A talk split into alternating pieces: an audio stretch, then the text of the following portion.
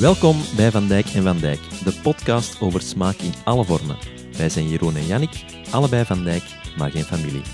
Elke aflevering nodigen we een centrale gast uit die net zoals ons gepassioneerd is door lekkere dranken. Samen ontdekken we het verhaal van onze genodigde aan de hand van een drankje dat deze gast voor ons meebrengt. En zoals het goede gastheer betaamt, trakteren we er natuurlijk ook eentje terug.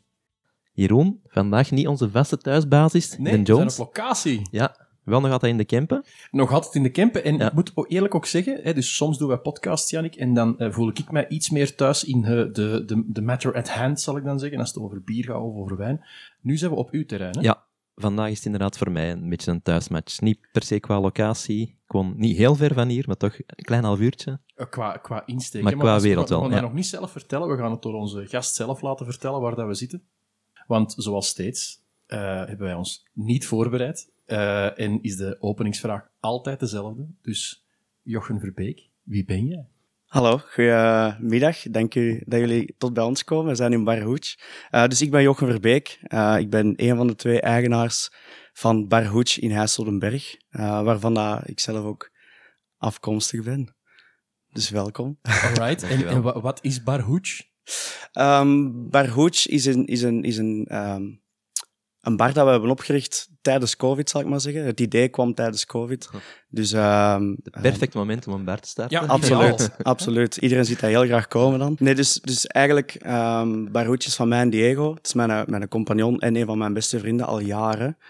Um, we hadden zoveel tijd tijdens COVID en we mochten elkaar ook ontzettend veel zien. Uh, dus um, wij zijn gewoon bij mij in de, in de woonkamer beginnen nadenken over wat willen we doen in de toekomst, um, wat hebben we daarvoor nodig, uh, krijgen we financiële steun, uh, vinden we een pand. Um, en we hebben gewoon een businessplan opgemaakt. En we zijn daar dan mee naar de bank gegaan. Uh, we zijn ook beginnen rondkijken naar een pand en echt voordat we het wisten hadden we alles. Dus wij zijn ook in de, ja, net voor de tweede lockdown beginnen verbouwen. Met het idee dat we in december open gingen gaan. 21 december 21 spreken we dan, hè? Ja, ja, dat is uiteindelijk mislukt. Uh, want wij zijn dan in mei pas mogen opengaan. Ja. Uh, dus ik ga niet zeggen dat COVID goed was voor ons. Maar we hebben wel heel veel momenten gehad. Um, allee, ja, gewoon veel tijd gehad om na te denken en om, om te zien van wat willen we en wat kunnen we. En, en ja, hier zitten we nu, een paar Ja. jaar later.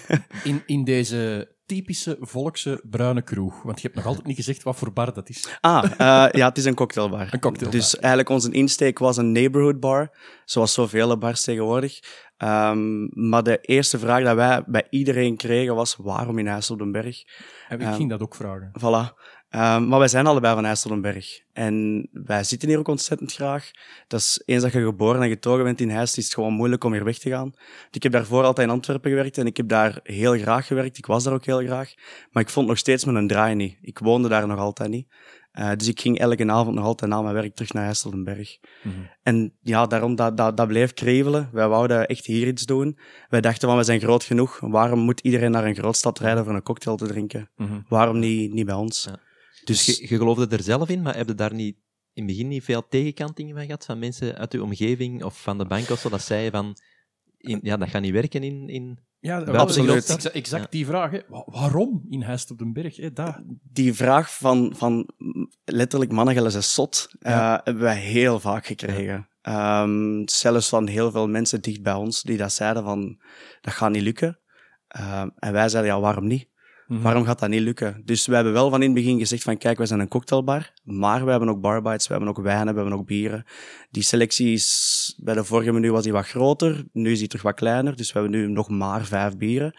Dat zijn niet de, ook niet de typische bieren. We hebben natuurlijk ja, een pintje, dat hebben wij, maar dan daarnaast hebben wij gekozen om specialere bieren te nemen. Uh, we hebben ook gekozen voor niet echt een huiswijn in huis te halen, maar direct gewoon een iets betere wijn. Wilt dat zeggen dat je betere prijzen betaalt? Nee, niet per se. Maar we hebben wel gekozen voor gewoon direct te zeggen van, we hebben niet, we hebben maar één rosé, we hebben maar twee witte wijnen. Maar dat zijn wel goede witte wijnen en, en goede rosé. Dat wel. Maar de, de, de focus of de, de, de hoofdinsteek is toch die cocktails? Ja. Hè, dus was het vooral de droom om een cocktailbar te hebben of om een bar te hebben? Cocktailbar. Cocktailbar, ja. ja. Dus als we nu kijken gewoon naar de cijfers, dan zijn onze verkoopcijfers wel echt 80% cocktails. Ja, natuurlijk. En ondertussen zit in die 80% ook wel mocktails. Ja. Dat wel. Je zegt dat je dat nu ziet, dus in het begin was het dan anders? Zie je daar een evolutie in? Uh, in het begin was het alleen maar cocktails. Ja. En dan hebben we even zo'n diepje gehad, dat er, dat er wel wat meer wijnen werden besteld, dat wel. Maar nu, eh, sinds vorige winter, is het echt gewoon full-on op de, de cocktails aan het gaan. Dat wel. Dus het is eigenlijk altijd merendeels cocktails geweest, maar, maar nu merken we gewoon dat, dat, echt, dat echt veel Ja. cocktails En zijn. zie je bij je klanten daar ook een evolutie in, in wat voor soort drankjes dat ze Absoluut. Ben je hest op de berg aan het opvoeden? Dat is eigenlijk de vraag. Eh, zo wil ik het niet zeggen, maar eigenlijk is het wel zo. In het begin kregen wij heel vaak de vraag van, kunnen jullie ook een mojito maken? Ja. Of kunnen jullie ook een... een ik drink graag een, een Long Island Iced Tea. Geen enkel probleem, dat maken we met plezier. Maar daarna zouden we wel eens graag een drankje van ons willen voorstellen. Ja. Dat wel. Dus, maar nu, die vraag krijgen we nog steeds. Hè. Wij maken nog steeds een paar mojitos in de week. Ja. Ehm, ondertussen krijgen we ook heel vaak de vraag van, kun je ook eh, een Sex on the Beach maken? En dat gaat, maar wij, wij zijn ondertussen zo op een punt gekomen dat we zeggen van, we kunnen het maken, maar het is wel onze variant. Ja, ja. Dus we doen er altijd wel een, een hooch twist op. Ehm, in het begin bijvoorbeeld, iedereen, ja, Pornstar Martini. Iedereen dat achter de bar staat heeft een hekel aan dat drankje. Ik weet niet waarom. Dat is eigenlijk wel een soort van guilty pleasure. Ehm, maar dan hebben we ook gezegd van, we gaan het toch maken, maar we gaan wel onze eigen variant maken. En die staat nu op de menu. Ja. Omdat die eh, ja, zo vaak besteld werd. Wa- Wat is, wat is de hooch twist? Is daar een, een, rode lijn in te trekken? Klassiek is het dus eigenlijk gewoon passievrucht, ehm vodka en vanille. Dus ja, eigenlijk zelfs vanillevodka zeggen ze. Ehm, maar wij hebben dus gekozen voor een gewone vodka. Wij voegen dan Galliano toe, wat dan een vanille liqueur is. Een beetje Cointreau voor toch die appelsientoetsen te krijgen. En dan werken wij met een cordial, wat wij altijd zeggen als dat is een zoetzuursiroop dat we zelf maken, van passievrucht en munt. Juist. Dus het is door die, die munt dat er wel wat, wat, wat, wat ja, extra fraîcheur bij... Eh, en en dat is- dat is voor de, voor de pornstar dan, maar als je een, een twist op mojito of een twist op... Is, is daar een rode draad in Mojito trekken? hebben, Wat we is- geen, mojito hebben we geen twist op gemaakt. Dat, Ja. dat is eigenlijk het enige drankje dat we zo wel wat klassiek proberen te houden. Long Island Iced Tea kun je ook in mijn ogen niet echt al te veel op twisten, want dan is het geen Long Island niet meer. Ja. Dat zijn nu net de Ja, uitzonderingen. ik, ben, ik ben zo vooral op zoek naar van wat is, uw- wat is uw signatuur of zo? Wat, wat, wat, is, wat maakt jullie uniek aan als je een cocktail maakt of een cocktail bedenkt? Wij houden van fruitige drankjes. Wij, wij, dat, is, dat is ons zelf opgevallen dat wij ontzettend veel fruit gebruiken in drankjes. Ehm, Gezonde jongens. ja, met de, met, de, met de gezonde dosis alcohol bij natuurlijk. Volgens, mij telt dat niet als de dagelijkse portie fruit. nee, nee, Ah, nee, dat denk zo. ik ook niet. Helaas. Nee, dus, dus wat dat wij bijvoorbeeld nu merken is, ehm, als wij wedstrijddrankjes doen, bijvoorbeeld, mijn laatste wedstrijddrankje was dan met aardbei, dat van Diego was nu met, met, met, met guava. Hij heeft zelfs al iets met papaya gedaan. Dus eh, Diego is ook half Braziliaans, dus hij gaat zo meer en meer naar, naar hij neigt echt naar de keuken soms. Dus hij, hij gebruikt veel meer keukentechnieken. Ehm, en hij gebruikt ook zich zo fruitsoorten waarvan ik nog nooit heb gehoord soms. Allee, ik ben nu ook wel met een typische ja. huisstandaard, laat ik maar zeggen. En mijn, mijn fruitkennis was ook niet echt alles in het begin. Ehm, maar dat is een beetje onze signatuur. Zo echt, wij gebruiken veel fruit. De, het zijn fruitiger drankjes, zal ik maar Ja. Het zijn op zich zeggen. twee werelden die meer en meer naar elkaar aan het toegroeien Ja. zijn, hè? de keuken en de bar. Dus, eh, Als wij nu gewoon kijken naar ons... wij, wij zeggen altijd... we hebben een hele grote keuken. Maar dan spreek ik puur over letterlijk de keuken. Ja. We hebben een grote keuken voor een cocktailbar te zijn. En we gebruiken veel meer technieken van, van, van de chefs dan een paar jaar geleden. En dat vind ik persoonlijk wel heel tof. Kun je daar een voorbeeld van geven? Van zo'n techniek dat je ergens in een cocktail terugvindt of zoekt of, of proeft? Toen ik met cocktails begon, was dat... Ja, we blenden alles kapot en we zeven het.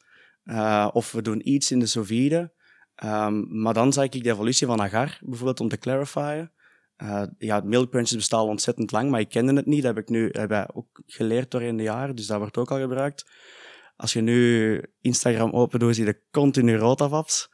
Wat dat we niet kunnen betalen trouwens. Maar dat is? Ik weet van niks. Hè. Ehm, dat is een kort gezegd een machine waar dat je dus... Stel, je hebt vodka. Dus dat is een machine dat opnieuw destilleert. Ah, Je doet er vodka in, laat ons zeggen, met bolognese saus, want je wilt een twist op een Bloody Mary. Kun je daar gewoon vodka met bolognese saus in doen? eigenlijk die smaak infuseren in die vodka door hem Dat te destilleert, destilleren. ja, die- dat destilleert opnieuw en dan heb je zo gezegd bolognese vodka. Ah, ja. cool. Dat is een machine van een klein 10.000 euro. Dus, eh, Ik weet wel, er zijn ondertussen een paar bars in België dat het hebben. Ja. Ehm, en ik zou daar heel graag eens mee willen gaan spelen. Maar dat, is, dat, dat kunnen we Ja. momenteel niet Bij betalen. deze willen wij een oproep doen aan de fabrikanten van de Rotavap. Ja, Om maar dat hier eens te komen testen gewoon. Ja, ja, Bij absoluut. Bar Hooch. Waarom Absoluut. Ja. Maar dus dat is, dat is één techniek dat ik heel veel zie online. Ehm, ja, sous dat kent iedereen. Daar, dat, wordt, dat is ondertussen al echt wel heel gebruikelijk. Uh, maar er zijn er zoveel meer. Dat, dat echt wel, wel heel... Allee, zo, nu om te clarifyen ook gebruiken ze centrifuges, wat dat ook al ja, Ook duur, is, duur en groot is. Ja. Uh, maar dat zijn allemaal wel technieken dat ik denk van, amai, cool. Uh, want wij zijn nu aan het nadenken om um, een thermomix te kopen. Ja. Dat we eindelijk ook gewoon warm kunnen... Warm allee, mixen en ja. koken is dat tegelijkertijd. Ja. Hè? Ja. Maar buiten het kostenplaatje heb je er ook de plaats voor nodig. En jullie hebben hier de plaats. En dat is Ja. dan weer een voordeel van Dat is in een voordeel, te zitten. ja. Want in Antwerpen of Gent of Brussel zal dat misschien moeilijker zijn om een grote prepruimte. Dus dat is dan weer... Maar dat is ook wel het... Dat is, dat is, dan kom ik weer terug op het Ja. begin. We hebben dit pand gevonden en we waren direct verliefd. Maar dat was een pand van 170 vierkante meter. En wij konden daarmee doen wat we wouden. Dat was één grote ruimte, dus wij konden de muren plaatsen waar we wouden. Wij konden zelf beslissen van hoe groot is de keuken, hoe groot is de stok, hoe groot is het bureau. Uh, maar hier is ook alles. Dus ons bureau is hier, waar we dan ja, financieel alles doen. Onze stok is hier. Um, onze keuken staat hier. In de keuken staat dan wel alles van ijsmachines, van um, nou, dishwashers, dat, staat allemaal daar. Dus wij wouden ook gewoon in de bar zo min mogelijk um, materialen zetten die daar niet zouden moeten staan. Bijvoorbeeld bij veel bars zie ik dat, dat, de, dat de vaatwas achter de bar staat. Dat wouden wij niet. Wij wouden echt in de keuken, dat er geen stoom zou komen, geen Stoom, lawaai. lawaai, ja, ja. Ja, dat wij niet stonden af te wassen achter de bar, maar dat we dat effectief gewoon in de keuken doen. Ja. Dat is ook dan weer het voordeel, wij zijn met twee. Hè? Dus er kan altijd één iemand zogezegd in de keuken rap gaan afwassen. Is er een vaste rolverdeling tussen jullie twee? Of... vragen, ja. Uh, in het begin was dat er. In het begin stond ik altijd achter de bar. En dan stond Diego in de zaal uh, en Semi in de keuken. Ondertussen niet meer. Ondertussen staan we met twee achter de bar. En is ons team een beetje uitgebreid. Dus we zijn nu in totaal met vijf. Dus we hebben één flexijobber en twee jobstudentes. En die staan dan op vrijdag en zaterdag. Niet allemaal tezamen, maar die staan dan... Uh, we staan meestal op vrijdag en zaterdag met drie in Ja. de zaak. En zij doen dan vooral de, de ontvangst in de keuken waarschijnlijk. De zaal, blijven ja. de, de, bar, eh, Ja. de bar doen. En, Ja. Maar dat is wel tof, want we, we, we, we willen eigenlijk naar een team dat alles kan. Ja. Dus dat wij ook gewoon kunnen afwassen, dat wij de zaal kunnen doen, dat zij ook de bar zouden kunnen doen. Dat, zij, dat is onze Dus in, bedoeling. in opleiding eigenlijk eh, ja. op termijn. Ja. Tof. Wat ook wel tof is natuurlijk, want iedereen heeft na een tijd dezelfde kennis over de spirits. Want het gebeurt regelmatig dat wij een drankje voorstellen dat niet op de menu staat, dat ze zeggen van, ah, wat is dat nu weer? En dan gaan ze gewoon de fles halen, laten ze dat zien, laten ze dat ruiken, wat dan ook. Dus dat proberen we wel... Hm. Dat is dan weer, dan kom ik weer terug op, op wat dat jij zei, van... We proberen hest Op te voeden. op te voeden, zal ik ja, maar zeggen. super, hè? Er zijn er ooit eens opnames geweest, tv-opnames voor Niam. Ik heb toen, eh, ik was toen op voorhand wel aan het opzoeken van, kunnen we daar gemakkelijk de, de camionet parkeren en zo. En ik zag, ofwel hier ofwel hiernaast, ben ik niet zeker, dat er hier vroeger een videotheek was. Klopt Dat is hier, ja. ja. Zijn er daar nog elementen dat we kunnen terugvinden op de menukaart? Filmgerelateerde cocktails? Als of een? Ah. soort eh, eerbetoon aan het erfgoed van, eh, van, Ja. van, het loka van de In, locatie. in, het, in het begin, ehm, dus effectief, hier is de videotheek geweest. Iedereen van Heistelenberg kent je. En, en ver, vanuit, ver van Heistelenberg kent iedereen die ook nog van vroeger. Eh, in het begin was het eigenlijk ons idee om de speakeasy te maken. Dus de bedoeling was eigenlijk dat je door de deur ging komen, dat je precies terug in de videotheek Ja. komt en dan met de, de hidden door, dat je dan zo in de bar komt. Of door het kralen gordijntje van de Eh, voilà, 18 voilà. plus sectie. Ja, de, de, de rode, de rode neon. geweten, ja. Eh, Ja, daar zijn alle cocktailbars, Jeroen. Ja, ja, ja, het is waar, ja, ja, tuurlijk. Maar toen dachten we ook van ja, oké, dan hebben we nooit zonlicht. Eh, Dan zijn we altijd een speakeasy. Dan is Ja. het weer al moeilijker om, om eigenlijk een terras te zetten, want dan moet de deur eigenlijk continu Ja. openstaan. Dus dat hebben we eh, niet gedaan. Eh, maar de aspecten dat je nu nog ziet, is op het terras gebruiken we de, de, de, de assenbakken van, de, van Videoland Ah ja, nog. Dus cool. de naam was Ah, Videoland. grappig, ja. en wij zijn in de kelders natuurlijk gaan zoeken naar materialen dat je nog lagen, maar er lag echt niks niet meer. Ja. Buiten, een paar pornohoesjes, hè. Ja. dat wel zonder dvd weliswaar, maar... Ja, maar je hebt die niet ingekaderd en aan de muur gangen of zo? Of, eh? Jawel, Ja. maar niet in de bar. In de bar- in de Maar die zijn, die zijn die hangen omhoog in, eh, in, ja, in, in een bureau. Die, hangen, ja. die hangen boven ons bureau omhoog. Dat wel. Maar niet in de bar, nee. Ja, maar er is nergens, nergens geen kraalgordijn niet Nee. meer. Voor de... Nee, nee, dat, dat, dat. Pas op, we, we, we spreken nog wel tegen mensen dat we het kennen van vroeger. Van, ze kunnen zich nog altijd wel oriënteren, want waar dan nu onze toiletten zijn, stond vroeger de toog voor af, voor af te rekenen. Ah, ja. Ehm, naast onze bar eh, was vroeger een doorgang naar de andere ruimte. En daar was dan het befaamde kraaltjesgordijn. Ja. Dus we kunnen dan nog wel dat zeggen van dat was daar en dat was zo. En mensen weten dat ook nog wel, maar daar kun je niks meer van zien. Ja. nee. Het ziet er wel helemaal anders uit nu, Ja, natuurlijk. hè. Je hebt het, absoluut. eh, allee, het, is- het ziet er prachtig ja, het uit. ziet er totaal niet meer als een videotheek. uit. Nee, nee, nee. nee, nee. Maar toen wij hier begonnen, waren wel, er was niks veranderd. Dus, dus de, de tapijten, Eh, de traanplaten waar dat de rekken op stonden, st- lagen hier nog allemaal. De muren waren nog knalrood. Eh, dat wel. Dus de, de ehm, lichtreclame hing nog boven de gevel. Dat, er was niks veranderd toen, toen wij hier binnenkwamen. Dat De naam Hooch, voor de mensen die dat niet weten, Hooch dat is zo illegaal gestookte drank. Ja. Heb jij zelf ook een rebels kantje? Heb je daarom de naam gekozen? Of? Ehm, een rebelskantje, ja en nee. Ik vind dat wij nog beide brave mensen zijn. Ehm, maar wij durven, wij durven natuurlijk wel wat kattenkwaad uithalen, dat wel. Ehm, maar de naam voor ons was gewoon heel belangrijk, omdat wij wouden een hele catchy naam. Dat, dat ze echt gewoon gemakkelijk konden uitspreken. Dus wij wouden geen twee woorden, wij wouden niks te moeilijk. Ehm, en wij, wij zijn, in het begin waren wij iets op zoek naar een Japanse naam dat verwees naar eh, naar, naar alcohol, maar wij zeiden ook van, ja, maar we hebben niks met Japan, wij, wij willen ook geen Japanse bar open doen of zo, dus waarom zouden we dat doen? En dan kwamen wij opeens op Hooch. Eh, dat was zonder de T weliswaar, Mhm. maar ik heb dat dan aan mijn familie laten lezen en mijn grootmoeder kon dat niet uitspreken. Die zei altijd Hosh. Hosh, Hooch, ja. De. Dus dan dachten we ook van, we gaan het wat vervlaamsen. En dan hebben we de T ertussen gezet. Ja. Want dus eigenlijk oorspronkelijk is Hooch van alcohol Ja. zonder de T. En je kunt ook gemakkelijk hoedje op de berg zeggen. Hè? Dus, eh, Wij horen nu heel vaak van, we gaan naar de Hooch. Dat horen, wij, ja, dat horen wij heel vaak nu. Ja. Ja, dat wel.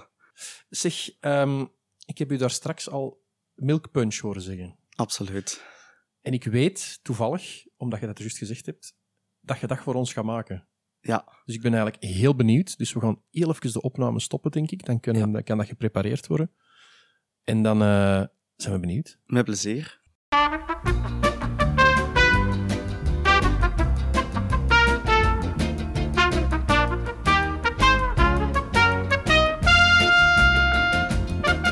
A few moments later. Ja, we zijn er terug en we hebben hier net een lekker drankje. Nee, lekker weten we nog niet, maar een mooi drankje alvast gekregen. We Ja, gaan met, ervan uit dat het lekker met, is. met een prachtige grote ijsblok met het logo van Hooch erin. Ja. Absoluut. Ja, als het even lekker smaakt als het eruit ziet, dan, eh, dan staan we er goed op. Ik kom Geniet ervan. Dus wij gaan al eens proeven en misschien kan Jo- Jochen er wel even uitleggen. Ja, Ja. milk punch, wat is dat? Of hoe zit dat in elkaar? Ehm, dus het is een milk punch op basis van tequila, ehm, mandarijn, koffie eh, en een beetje appelsien. Eh, en melk natuurlijk. Eh, maar dus milk punch is een techniek dat meer en meer gebruikt wordt. Het is ook al heel oud, dus het wordt al heel lang gebruikt.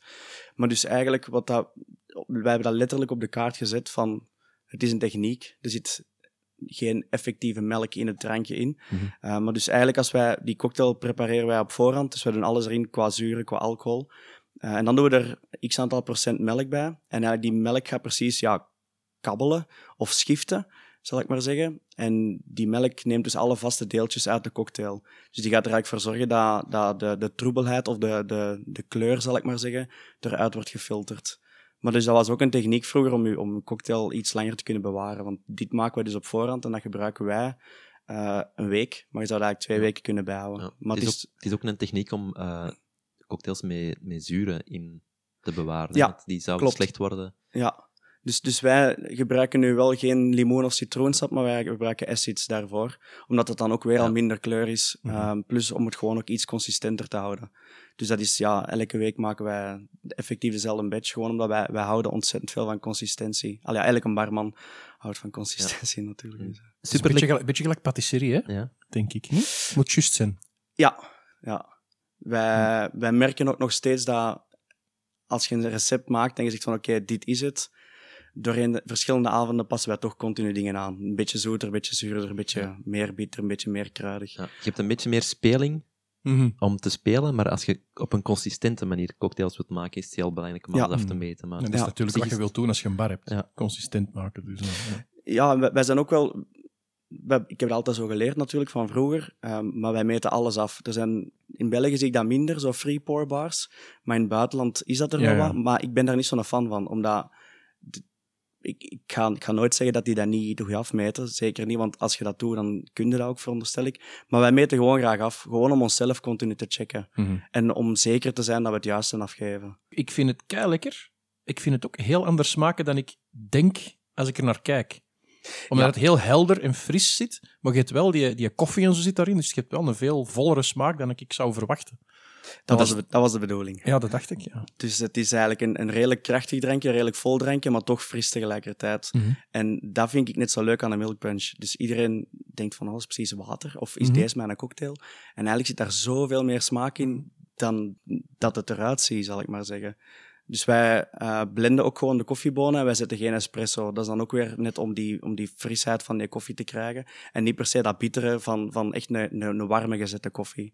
Dus wij blijven echt bij de boon eh, en, en niet eerder naar de gruis. En allee, wij verwarmen het niet, zal ik maar zeggen. Mhm. Ik vind het eh, fantastisch lekker. Toen Ja, wij aan, aan chocolade denken, dat zal van die koffie waarschijnlijk Ja, komen dan. ja. Toen mij zo aan uh, Er zitten, er, zitten geen, er zitten geen chocoladebitters, ja. want die vraag heb ik nogal gekregen, van zit Ja. er chocoladebitters bij? Maar dat is het dus niet. Dus het is effectief ehm, van, van die koffie. En dan, ehm, mij deed het in het begin denken aan, aan ehm, iedereen kent een oefti van, van in de Ja. cinema. Zo die banaan, koude banaan met, Ja. met chocolade ondergedompeld. Ah, heet dat een oefti? Dat heet een oefti. Ah, Allee, ja. dat, dat heette toch oefti vroeger, denk Oké, ik. dat is de eerste keer dat ik dat woord hoor. Ja? Oké, ja, ça va. Ehm, maar je hebt dat ook dus met, met appelsine en mandarijn. En daarom dat wij dachten van, hé, mandarijn, chocolade, hé, mandarijn en koffie, Ja. dat, Ja. dat werkt wel echt. Dus we ja. zitten terug een beetje in de videoland van vroeger. Voilà. ik heb hier ooit Ja. in Videoland trouwens Ben Jerry's leren kennen. Ja, top. Dus, eh, dus dat is ook weer, weer, weer, weer iets naar vroeger. Want die Ja. vraag krijgen we ook nog van, kun je hier ook Ben Jerry's kopen? Maar dan zeggen we, nee, dat, Ja. dat gaat Ja. niet. Dat is ook wel een gevaarlijk drankje, denk ik, dit. Want het is toch vrij hoog in alcohol, denk ik. Eh, ja. Het dat is- proefde niet. Nee. Dat, dan vind ik dat het mooi uitgebalanceerd is. Ja, ja. Ik vind, dat heb ik ook weer altijd van, van, van in het begin was dat ontzettend belangrijk voor ons, van balans. En dat moet niet per se gaan over tussen zoet en zuur, maar ook gewoon tussen water en alcohol. Mhm. Ehm, ik ben zelf een ontzettend grote fan van drankjes dat super sterk zijn. Eh allee, alcohol met alcohol vind ik fantastisch. Maar ik hou ook echt gewoon van een heel fris, laag alcoholdrankje. Mhm. Dus eh, dat vinden wij belangrijk. Dat mensen zeggen van, we proeven de alcohol niet, maar na twee of drie zie je wel dat ze er last van hebben. Ja, ja, ja. ja, Dus, ja. eh, ja.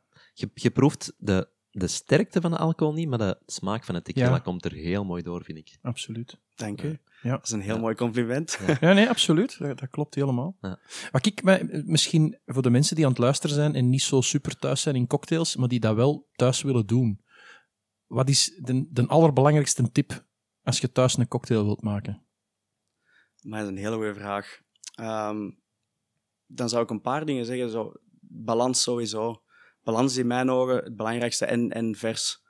Ehm, Verse, verse sappen en verse zo sappen bedoelde. bijvoorbeeld, ja. Ehm, zo, ik, zei er net ook van, voor die dranken gebruiken wij acids, wat dan combinaties van verschillende zuren om dezelfde pH-waarde als limoen te verkrijgen.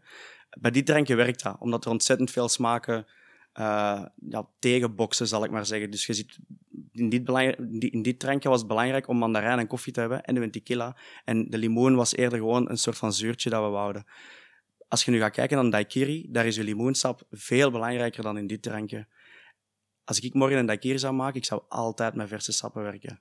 Dat vind ik ontzettend belangrijk. Met verse, allee, gewoon echt zelf persen à la minuut. Mhm. Ook uw suikersiroop, maakt hem zelf. Gaat dat, koop dat niet in een fles, want dat zijn meestal ja, double syrups dan. Eh, dus je suikergehalte ligt veel hoger. En dan moet je ook minder gebruiken. Dus Mhm. je, je moet eigenlijk zelf ja, een beetje testen, dan zal ik maar zeggen. Want sommige mensen... Allee, waarom, waarom vind ik dat zo belangrijk? Om, om, om balans te hebben in een drankje. Ehm, ik ben meer een zoetenbek, dus ik hou ook wel meer van de iets zoetere drankjes. Diego is veel ja, ja, zuurder dan mij, wou ik niet zeggen, maar die, die houdt... Klinkt die niet zo houdt positief, hè? Dat is, een- dat is een zure. Nee, die, die, houdt, die, houdt gewoon, die, die maakt zijn drankjes zuurder. Dus voor ons werkt dat dan ook weer perfect, omdat als het Ja. voor hem te zoet is en voor mij te zuur is, dan weten we dat het goed zit. Omdat het voor, voor beide dan eigenlijk net niet goed genoeg is. Maar we weten wel dat de mensen hier graag zoetere drankjes... Allee, dat die houden van iets zoetere dingen. Zoet en zuur is een goede combo, hè? Dus Ja, ja, dat werkt, duo's en... eh, Voilà. Ja. Heb, heb de, ik denk daar nu ineens aan, omdat je dat zo beschrijft, dat jullie een klein beetje anders, andere smaakprofielen hebben of zo. Welke cocktail op de kaart is de perfecte vereniging van die twee? Dat is een hele goede vraag ook. Ehm, het leuke aan deze menukaart vind ik, de vorige menukaart heb, heb, heb ik 90% gemaakt, ehm, omdat hij zich nog niet echt 100% zeker voelde, denk ik, om, om drankjes te maken. Hij was er wel continu mee bezig. Eh, maar met deze kaart, hij zei dat ook, van ik wil echt zoveel mogelijk drankjes op de kaart krijgen. Alleen niet per se krijgen, maar gewoon mijn best doen om zoveel mogelijk Mhm. drankjes op de kaart te zetten. Eh, en hij had een idee. Uh, drankje staat effectief op de kaart. Het heet de Carrot Cake. Hij wou een drankje maken met, met, met wortel, rozemarijn en mescal. Alright. Wat dat drie heel uitgesproken smaken zijn Ja, ja. eigenlijk, maar ook een hele mooie combo. Ehm, maar zijn eerste idee was een gimlet. Dus wat dat effectief een cordial is dan weer ja, zoet zuursiroop. In combinatie met alcohol. En ik heb toen gezegd van, dat is te intens voor mij. Dus uiteindelijk is dat een soort van highball geworden. Waar dan nog wel steeds zijn smaken in zitten. Ehm, maar dan hebben we daar een beetje gingerbier aan toegevoegd. Ehm, en ja, niet alleen mescal, maar ook een beetje vodka. Gewoon voor de, het alcoholpercentage omhoog te krijgen, maar je hebt nog wel steeds de smaak van mescal. Dus dat is eigenlijk een drankje dat we zo wat samen hebben gemaakt. Het idee was volledig van hem en dan hebben we het gewoon samen gefine-tuned. Ja. Dus dat is wel een drankje waar dat ik ook gewoon heel trots op ben, omdat, dat, omdat ik dat bij hem van begin tot einde heb, eh, heb gezien, zal ik De maar carrot zeggen. cake. Alright, Ja. klinkt wel goed. Die zuren in poedervorm, dat is iets wat de laatste twee, drie jaar enorm opgekomen is. Maar Ja. ik heb de indruk dat er een grote leercurve in was. Want ik heb de afgelopen jaren ook veel slechte drankjes gedronken. eh, van mensen die nog niet goed Mhm. wisten hoe ze moesten omgaan met die... We noemen namen, Jannik. Nee, dat is niet waar. Dat niet doen. Eh, nee, ik, ik zit vaak als, als jury in, in cocktailwedstrijden en ik heb daar soms drankjes geproefd eh, waar je wel de, de aciditeit had, eh, maar niet de smaak van een limoen of zo. En, en daar is nu gelukkig wel die, ja, die leercurve, we zijn wel in de goede richting aan het gaan, gelukkig. Ik heb onlangs een, een, een klein artikel gelezen over de geschiedenis van zuren eh, in, de, in de cocktailwereld. Dus vroeger, dan spreek ik over de, de jaren tachtig bijvoorbeeld. Allee, het gaat nog verder voor, maar eh, spreek ik puur over de jaren tachtig. The bad ages of cocktail. Ehm, iedereen, iedereen gebruikte toen pulco. Mhm. Wat daar echt gewoon een zuurvervanger is. Dus dat waren eigenlijk ja, slechte sappen, zal ik maar zeggen. En dan de nieuwe bartenders zijn dan gaan zeggen van alles moet vers zijn, alles moet vers zijn.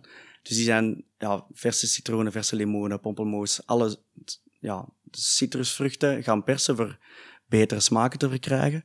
Eh, en nu de laatste jaren inderdaad gebruikt iedereen acids. Dus ze lachen daar. Allee, ik heb er een paar mensen mee zien lachen van allee, we gaan terug naar de pulco-tijd. Terwijl dat dat niet is, want voor mij is de, de, de acidvorm ehm, iets ontzettend goed voor zo'n drankje als dit. Maar ik ga het nooit in een daiquiri steken. Dus ik vind dat het, als je beide hebt, elk heeft zijn doel. En ze kunnen allebei heel goed gebruikt worden, maar in de juiste vorm. Mhm. En om dan terug te komen op de slechtheid van zuren, of, of, of wat dat jij zegt van, van de balans van zuren, er zijn ontzettend goede boeken over. Er is één een boek, Liquid Intelligence, Ja. daar staat eigenlijk de perfecte basis om de lime acid te maken. En dat is dan een combinatie van verschillende Ja. zuren. Dat is dan, je hebt dan hè, de, de, de, de pH-waarde van, van het een, terwijl met de volheid van het andere zuur. Het is echt een, een combinatie van beide. Ja, ja, dus de smaak bekomt je door inderdaad het mengen van Ja, x aantal gram van dat, x aantal gram van dat soort zuur. als je nu alleen citric acid gebruikt, bijvoorbeeld, citric acid is heel agressief en, en, en heel ja, citroenachtig, maar daar krijg je geen volheid van. Ja, dus daarmee kun je de pH-waarde Ja, regelen. ehm, evenaren van een citroen, maar niet per se de Nee, smaak nee, van een citroen nee, of een limoen. Nee, Dus want er zitten uiteindelijk ook suikers in citrusvruchten, dus waarom voegen we die suikers dan ook niet toe? Bijvoorbeeld. Dus het is, ja, wij gebruiken nu een combinatie van drie zuren, dus dat is ook effectief nog steeds het, het, het, het eh, recept van, van Liquid Intelligence. Maar wij voegen er ook wel een, klein beetje, een heel klein beetje suiker aan toe. Ja. Gewoon puur omdat we weten van in de limoen of in de citroen zitten ook suikers in, natuurlijke suikers. Dus waarom zouden we dat niet doen?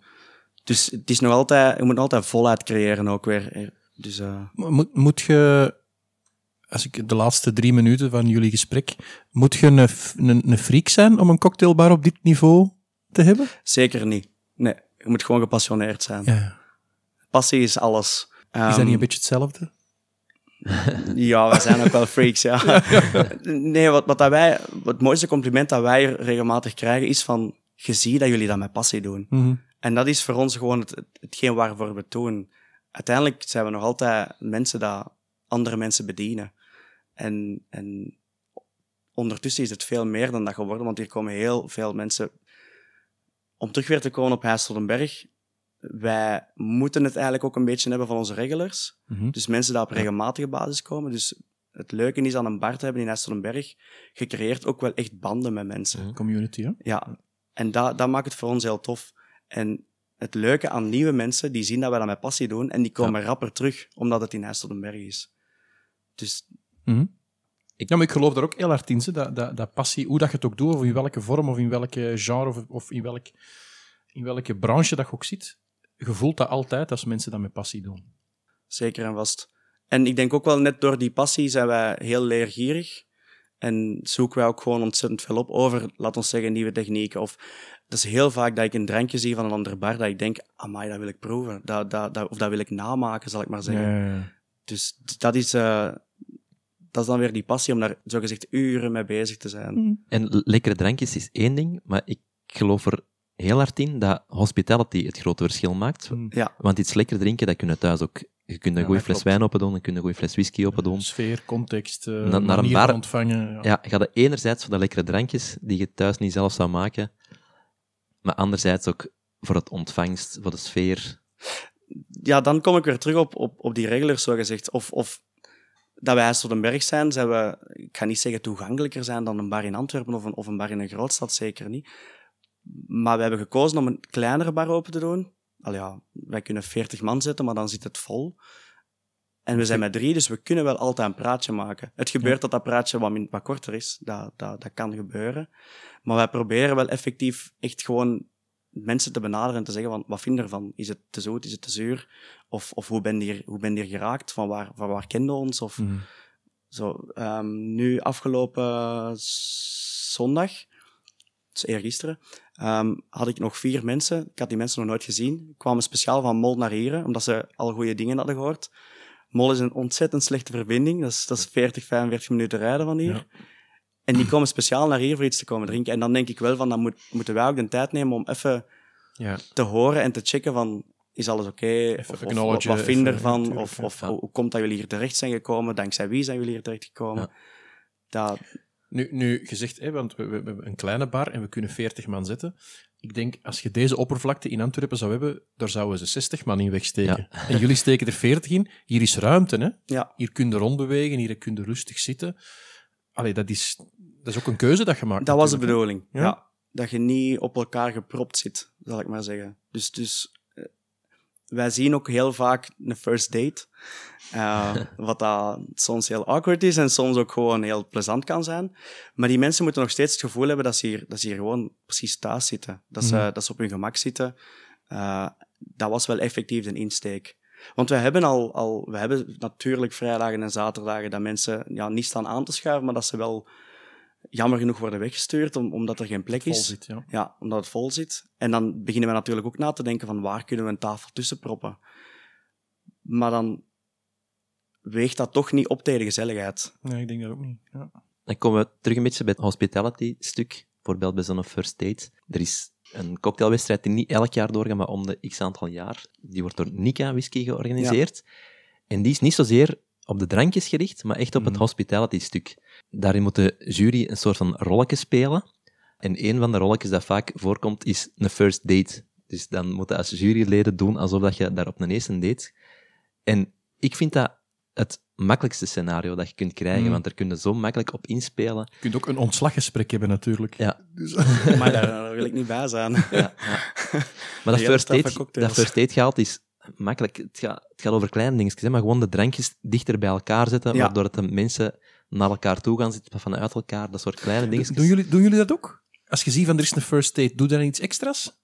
Of is het Onbewust, onbewust wel. Ja?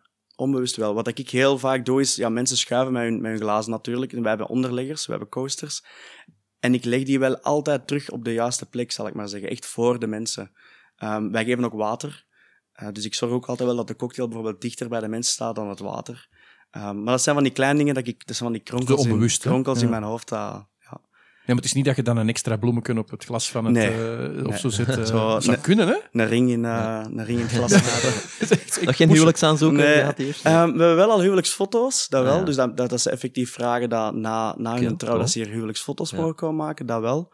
Een huwelijksfeest hebben we, allee, zo, een receptie hebben we ook Ja. al gedaan. Ehm, maar nog geen aanzoeken gezien. Maar, maar je, Ja. je gaat wel, hè. ik bedoel, je bent hier nu twee jaar, dus dat is nog wat jong, maar als je hier tien jaar verder bent, gaat hier wel... Ja, hier zijn nieuwe koppels ontstaan, hè. Hier zijn Ja. nieuwe Dus- kinderen die dus- ooit geboren worden, gaan hier... Effectief. Hun oorsprong ehm, vinden, hè? Dat koppel dat die foto's hier heeft gemaakt, dat, is nu, dat was helemaal in het begin, denk ik. Dus die zijn er nu al een paar keer opnieuw geweest en die zeggen dat ook van... als wij een speciale datum met twee hebben, dan komen wij hier iets Ja. drinken. Bijvoorbeeld. Dus dat, dat is wel tof. We hebben ook al gehoord, effectief een koppel dat hier een first date heeft gehad, wat dan nu een koppel is. Dus eh, Ja. dat, is- dat, is wel, dat is wel leuk. Ik ken ook een koppel dat elkaar op café, het was nog geen cocktailbar, maar gewoon een café, elkaar hebben leren kennen. Eh, die zijn intussen getrouwd en die hebben hun trouwfoto's ook in dat café gaan, Voilà. eh, gaan nemen. Maar ik vind dat wel, ik vind dat wel tof. Allee, dat is, dat is zo, zo belangrijk voor, voor hun, dat het gewoon leuk is. Maar ik, ik denk dat, dat mensen dat ook vaak vergeten, hè, hoe belangrijk dat plekken zoals deze, of bars of restaurants in het algemeen zijn, voor, voor zo'n dingen ook. Hè. Dat- Absoluut. Dat, dat maakt ook gewoon... Allee, je kunt hier ook in een, in een, in een eh, laten we zeggen, een, een, een koude refter zitten. De kans op slagen van uw first date is wel een pak minder, dan ja. dat je hier komt zitten in een gezellig zeteltje met een goede omkadering, met aangenaam licht en met een, met een lekker drankje. Dus eh, Ik denk dat iedereen ook pas heeft beseft in, in, in de COVID hoe belangrijk dat horeca is voor de mensen, hun, hun mentale gezondheid. hm. En dan spreek ik niet over, ik moet met een alcohol hebben, maar gewoon over het, het Ja. onder elkaar zijn. Het Ja, in het het, in het, stuk, in het ja. geroezemoes zitten en de drukte van iets te bestellen aan een toog, bij wijze van spreken. Ik denk dat, dat we dat daar pas beseft hebben. En op een, aangename, op een aangename manier aangesproken worden door de Ja. mensen achter de bar Ja. of van de zaal of weet ik veel wat. Dat is Ja. zo belangrijk. Hè? Dus wat je, wat je ook zegt, hè, Jannik, die hospitality, dat is Ja. zo belangrijk. En ik denk Ja. dat je daar het verschil mee maakt ook, nu. Ik weet ook, In deze tijden waar alles snel en efficiënt moet zijn, Ja. maakt het daar gewoon het verschil mee. Ik weet ook nog, eh, vlak na de lockdowns ben ik met jou, Jeroen, en met een Bert Ik heb daar nog een fantastisch... Nee, een als ik avondje het zelf cocktails gaan drinken. En een, wij- een, een schoon stuk over Ja. geschreven op Facebook. ja, dat was een avond waar we allen drie gewoon kippenvel van hadden van het, het mag terug. Ja, Terug met vrienden afspreken, dat was een fantastische avond. klopt. Ja. Dat was schoon, ja. Memories. Ik weet nog goed... We waren toen wel een uur en een half te laat bij de burburen toen Ja. we, we Ja. u kwamen. Nee, denk jullie, ik, jullie waren anderhalf uur Nee, nee, te wij- laat. wij ik was waren- op tijd. De allereerste dag dat wij open mochten gaan, 8 mei. Ehm, het was hier zo, in de, dus IJsseldenberg is, is, wij zijn eigenlijk echt een, een bier, alleen een café, dorp zal ik maar zeggen. Ehm, dus dan kom ik weer terug op de gok dat we wagen om een cocktailbar hier open te doen. Maar ik weet dat toen de ronde ging dat alle cafés eigenlijk, allee, dat een horeca open mocht om 8 uur s morgens. Of om 10 uur s morgens. En ik weet dat ik naar hier kwam s morgens en dat er echt al rijen stonden bij sommige cafés.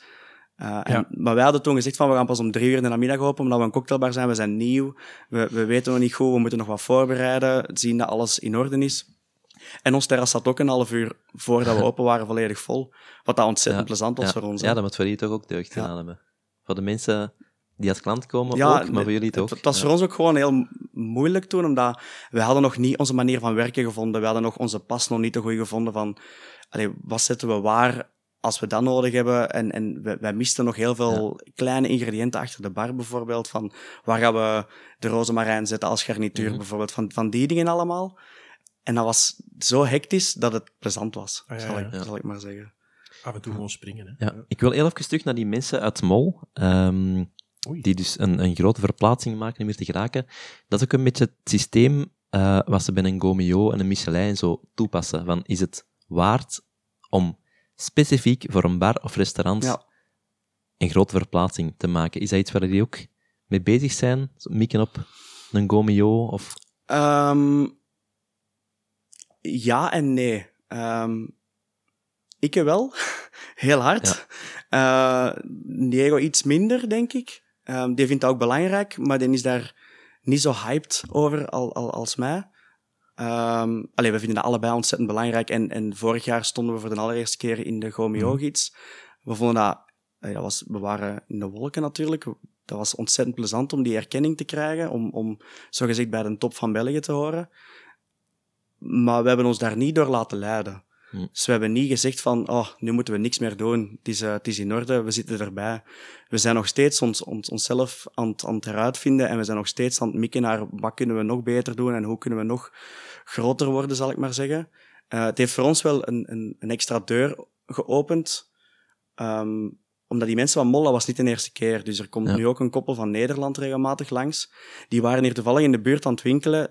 Die mens was een, een, hele grote fan van Gomeo of, of Michelin, dus die, die checkte dat wel Ja, als ze dus die hebben het daar ontdekt. Ja, dus die hebben ook gewoon gezien van, ah, hier een Gomeo-bar, dicht in de buurt. Dus waarom niet? Die heeft hier toen aan de bar gezeten. Die heeft dan ook gehoord dat we met Door 74 een guest shift gingen doen. En die is teruggekomen daarvoor. Dus het werkt wel, Ja. dat wel. Ik vind dan kom ik terug, allee, dan zeg, ga ik hetzelfde zeggen van het mag, het mag u niet laten leiden, maar het werkt wel. Tuurlijk. Ja. We zijn vandaag dinsdag 17 oktober en vandaag is het ook de uitreiking van de 50 Best Bars. Dat is deze naam. We zijn nu voormiddag, dat is deze namiddag. Ja. Een beetje controversieel topic. Ehm, ik denk dat elke bar wereld, cocktailbar wereldwijd graag in de lijst wilt staan. Langs de andere kant zijn er ook veel mensen die een beetje tegen de lijst zijn, omdat ze denken van, "Oh, er staan eigenlijk bars in die slechter zijn dan dat wij zijn, en toch staan die erin en wij niet. En hoe komt dat dan? Budget. Budget, ja, we moeten een marketingbudget hebben. Hè? Ja, Dat is het eerste wat ik aan denk. Ja, ik, Budget. ik denk ook dat dat lijst, eh, dat de naam 50 Best Bars eigenlijk een slechte naam is. Commercieel werkt het natuurlijk wel, maar eigenlijk zijn het de meest, de meest invloedrijke bars. Ja. En daar geloof ik wel in. Klopt. Want de bars die daar zeker bovenaan de lijst zijn, eh, als die iets nieuw doen, kunnen ervan uitgaan, het jaar daarna zijn er tien andere bars dat dat, dat, dat concept gaan nadoen of dat gaan kijken van, goh, wat doen die wat wij niet doen? Dus Perfecte voorbeeld. Clear Eyes. Maar vertel, ik weet niet wat Clear Eyes is. Die een grote blok dat in uw glas zit, Ja. die een doorzichtige blok, dat is Clear Eyes. Ah ja, oké. ja. Dus dat werd gebruikt in, in, in de... Dat wordt al x aantal jaar gebruikt, maar dat werd dus in de, in de hele goede hotelbars of in de 50 best bars, werd dat heel vaak gebruikt. En nu gebruikt bijna iedereen dat. Wij, allee, inclusief, inclusief ons. Uh, dat is ontzettend mooi. Allee, ik bedoel, ik Mhm. vind dat het meest sexy in een klas. Ja. Een Clear Eyes blok, dat, dat is fantastisch. Maar dat is daar wel uit verder gekomen, uit, het, uit bars van de 50 best eh, Mhm. list. Maar zijn dat de 50 beste bars ter wereld? Nee, zeker niet. Ik eh, ben al in bars geweest dat in die lijst Ja. staan, Klopt. dat ik echt heel teleurgesteld buiten gewandeld ben. Ik, eh, En dat ik dan denk van, ah, de hoed is eigenlijk tien keer beter. Dank. Eh, ik, heb, ik, heb, ik heb exact hetzelfde. Ehm, Kijk ik ernaar naar de lijst? Absoluut. Als ik ergens naartoe ga, check ik direct wat er een bar in de buurt is. Ehm, ik volg ook heel veel bars op sociale media en ik heb ook een paar favoriete bars die in de lijst staan. Ook, dat, is, dat zijn de bars waar ik naar opkijk. En, en als die iets doen, ga ik altijd zien naar hoe kunnen wij dit ook gebruiken, Ja. bijvoorbeeld. Maar er zijn ook effectief bars. Ik ben... Mag ik namen noemen of niet? Zeker. Ja, Ik ben eh, vorig jaar in Drinkong geweest. ik ook. Ik vond het ontzettend slecht. Teleurstelling, ja. En waar is dat? Ja, Eh, Rome. Rome. Ah ja, oké. Ja, ik vond ook een grote Ja. teleurstelling. Mijn vriendin ging een paar maanden Ja. eh, naar het buitenland. Dus toen wij nog niet zo lang samen waren, dus dat is bijna twee jaar geleden, denk ik, ehm, ging zij een paar maanden reizen. En één daarvan was Rome. Dus ik had gezegd van, ah, als wij weekend hebben, kom ik gewoon altijd met de vlieger. Dus ik ben een paar weekends naar Barcelona, ben ik ook gegaan, naar Berlijn ben ik ook gegaan en dan naar Rome. En ik wou dan natuurlijk altijd een bar bezoeken. Wij komen daar binnen, ontzettend mooie bar. Hele coole, allee, hele coole sfeer, hele mooie backbar, ontzettend veel flessen. Uh, wij krijgen dan een menu in ons handen en ik dacht, amai, Ja. mooie menu. Ehm, nog voordat wij hadden besteld, hadden wij al een glasje champagne gekregen. We hadden al dimsums gekregen, we hadden olijven, we hadden nootjes. Ik dacht van, shit, dat gaat hier al 20 euro kosten voor gewoon allee, Hier te zitten. uw pre-drink. Ehm, wij bestelden een drankje, dat was lekker, maar dat was heel eentonig. Maar die moeten er ook zijn. Mhm. Maar dat was een lekker drankje, maar om dan weer terug te komen op hun hospitality, dat was gewoon niet goed. Nul, ja. Ons, ons glas was leeg, die pakken dat glas weg, die vragen niet, was alles oké? Moeten jullie nog iets drinken? Moeten jullie de menu? Kan ik nog iets doen voor jullie? Niks. We werden zelfs niet aangekeken. En dan dacht ik echt van, oké, nu wil ik hier echt wel weg. Ik heb één drankje gedronken, het is Ja. goed voor mij. Mm. Maar die staan dan wel twintigste, of, of in de top 20. En dan denk ik wel van, deze is, ja, ik ga niet zeggen vriendjespolitiek, maar gewoon ons kent ons. Mm. En budget. Ja, eh, ik, sorry Jochen, ik vrees ervoor, maar een bar in Huis op den Berg gaat nooit in de lijst geraken. Nee, nee, nee, nee puur, nooit. puur omwille van de locatie, omdat je... eh, dat is met een wereldwijde jury en je moet in de laatste 18 maanden de bar bezocht hebben om erop te mogen stemmen. Klopt. Er zijn meer, meer dan duizend mensen wereldwijd die stemmen. Het, eh, het aantal mensen van die duizend dat in Huis op den Berg komt, is Het zou Niet straf- heel het zou straf zijn. Het zou straf zijn moest ze in Hasseldenberg zijn, ja. Ehm, terwijl, ja, in New York komt iedereen wel eens, in Londen komt iedereen wel eens, in Rome gaat het Ja. ook sneller op Klopt. vakantie dan in Huis op den Berg. No offense, Huis op den Berg. Terwijl het hier ook een Nee, heel nee. schoon colosseum staat. Dus eh, Ja. dus dat, dat ten eerste. En, en, ten, en Itegem. ten, ten tweede is het ook, ja, je moet je eigen tonen aan een wereldwijd publiek. Eh, je moet wereldwijd guestshifts doen, eh, mensen ook uitnodigen. En dat is ook voor een bar in Huis op den Berg minder evident dan van een grote naam uit Londen. wij vinden guestshifts ontzettend leuk, zowel om, om te gaan doen als, als te ontvangen. Maar het is gewoon moeilijk in België in het algemeen. Ja. Waarom? Elke bar in België heeft een, een supergoed team, maar een superklein team. Ja. En om nu bijvoorbeeld ehm, te zeggen van... Wij komen allebei, ik en Diego, wij komen allebei super goed overeen met, met, met Ran en met Mathies. Twee mega, dat zijn gouden kerels, Ja, absoluut. van Baran. Van Baran, ja. ja. Ehm, maar dat is ook gewoon een ontzettend klein team. Mhm. Die hebben andere openingsuren dan ons. Dus wij zijn al maanden aan het zeggen van, hé, hey, we moeten eens een guestshift doen. Maar we krijgen het gewoon niet geregeld. Wat, wat je in de bierwereld wel eens gebruikt, is dat ze gewoon eh, wisselen van tap. Dat, de, dat, er, dat de, de, de ploeg van de ene een avond de bar van de andere gaat open doen. Maar dat is natuurlijk ook, want dan zit er ook niet bij. Hè. Het is ook voor de fun is, dat je het samen risky, kunt hè. doen. Het is risky, want de ene heeft dan zo van, ja, hoe gaan zij mijn bar behandelen? En de andere denkt exact hetzelfde. Natuurlijk, ja. Dus het, is, het zijn andere prijzen, het zijn andere materialen, het is een andere omgeving, Ja. het zijn andere En mensen. het is ook iets complexer dan een pintje tappen natuurlijk. Alhoewel, ik bedoel, ik heb alle respect voor pintjes tappen enzovoort. Maar het is toch iets complexer om een cocktailbar Ja. te doen dan, dan om bier Klopt. te schenken. Maar dat is, dat is dus... Want, iedereen doet graag guestshifts en iedereen doet graag tastings. En, en, maar het, pro- het probleem is, soms geraken we er gewoon niet. Ehm, om een voorbeeld te geven, onlangs hadden we een evenement in Tatsu. Superleuk evenement. Ehm, het was ook leuk om de meeste Belgische bars nog eens bij elkaar te zien. We hadden daarvoor een, een masterclass van eh, Benja. Ehm, hij, hij is eigenaar van een... een Limantour. ja, Ja. Limantour, met Mexico, als ik me Mexico niet. City, ja. Ja, Uh, maar hij zei dat ook. Mijn job is reizen. Ja. Hij, ja staat, ook, staat ook in die top Ja. 50. Hè. ja, hij doet niks anders dan gewoon naar andere landen gaan, naar andere bars gaan en te spreken over Limantour en, en te spreken over ehm, wat doen wij en hoe doen we het. Hij heeft een supergroot team, een supergoed team, maar die runnen de bar. Mhm. Hij runt de bar niet meer. Hij spreekt gewoon over Ja, de ja, bar. en hij zorgt voor... zorgt Hij heeft, pas op, hij, heeft het, ja. hij, heeft, hij heeft het gemaakt. Hè. Ik bedoel, hij- de bar is nog steeds deels beetje- van hem, als ik me niet vergis. Hij is nog steeds eigenaar. Maar zijn job is effectief gewoon die bar promoten. Oh, maar dat is een beetje het, het verhaal. Dat is, dat is Peter Goossens of Sergio Herman, hè, die ook nog zelden zelf in de keuken staan, maar wel het gezicht zijn van een bar en het Ja. allemaal hebben opgebouwd en hun dingen hebben En ik geïnstalleerd. geloof dat die nog wel mee de menu maken. Daar, daar geloof ik nog wel in. Ja. Ja, maar niet meer dagdagelijks Nee. maar niet eh, meer shiften maken draaien. gewoon. Nee. Maar, nee, nee, tuurlijk. Nee, klopt. En dat is het nadeel in België, vind, Ja. vind ik. Hè? Want Ja. ik vind, België mag absoluut niet onderdoen naar, Mm. naar andere landen. Ehm, ik heb al meer lekkere drankjes gedronken in België dan in, Ja. in Nederland bijvoorbeeld. No offense naar Nederland toe, maar dat is gewoon meer mijn stijl, zal Ja, ik maar zeggen. Het is een heel andere sfeer in Nederland. Ja. Eh, in Nederland is het wel losser, Ja, soms een beetje meer fun, dat in België soms wat kan ontbreken. Eh, Ja, dat dus Het klopt. is een, een andere insteek eh, in Nederland. ja dat is. Ja, in Want- Nederland zijn ze bijvoorbeeld veel minder met die consistentie waar we het er juist over bezig waren. In Nederland is dat veel minder belangrijk. Ik heb al in Nederland in een bar gezeten waar we met twee hetzelfde drankje bestellen en twee totaal andere drankjes krijgen. Dat kun je in België in de topbars niet voorstellen. Maar ik denk wel dat je de drankjes rapper hebt gekregen in Ja. Nederland. Ja, ik denk klopt. dat de, Ja. de service Ja. daar rapper gaat, maar niet per se beter. Mm. Want ehm, we wa- allee, om nu terug te komen op Door 74, ze hadden hier een guest shift en we waren aan het spreken over het volume dat ze draaien en dus hun volume ligt gewoon veel hoger.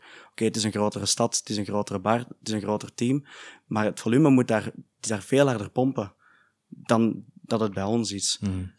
Maar zij zeiden dat ook van, zij, zij preppen veel meer op voorhand. Dus bijvoorbeeld als je dan een old fashioned gaat bestellen of je bestelt dan een dry martini, het staat gewoon in de vriezer klaar. Zij moet dat letterlijk uitkappen, terwijl wij dan nog wel alle minuut gaan maken. Er is niks mis mee met dat op voorhand te maken, absoluut niet. Ja. Want dat doen wij bij sommige drankjes ook. Maar zij hebben dat voor de meeste classics wel zo gedaan, omdat het daar veel rapper moet gaan. We gaan hier zelf, Stef heeft ook nog een drankje, maar voordat we daar naartoe gaan, misschien nog een laatste vraag. Je zei daarnet dat je die, die 50 best wel wat volgt. Kun je aan een voorspelling wagen? Wie dat er, of zijn er bars waar je naar opkijkt? Voor alle duidelijkheid, want eh, op het moment dat we de, de, de, de podcast, ik was de naam kwijt, Amai, gaan, ja, Jeroen. gaan, eh, gaan lanceren, eh, dan is dat al bekend. Hè? Maar dus deze namiddag wordt het eh, bekendgemaakt. Hè? Ja, Ik ben een ontzettend grote fan van Le Red Door Ja. in Parijs. die gaan Ik denk dat die minstens zeker... top 10 zijn dit Ja, jaar. Ik ik denk zelfs, zelfs top 5. Ja, ik denk late 5, 4, Ja. 5, 4, 5 denk ik. Sowieso. Ja. Ehm, ik denk ook dat Touchmox volledig gaat zakken.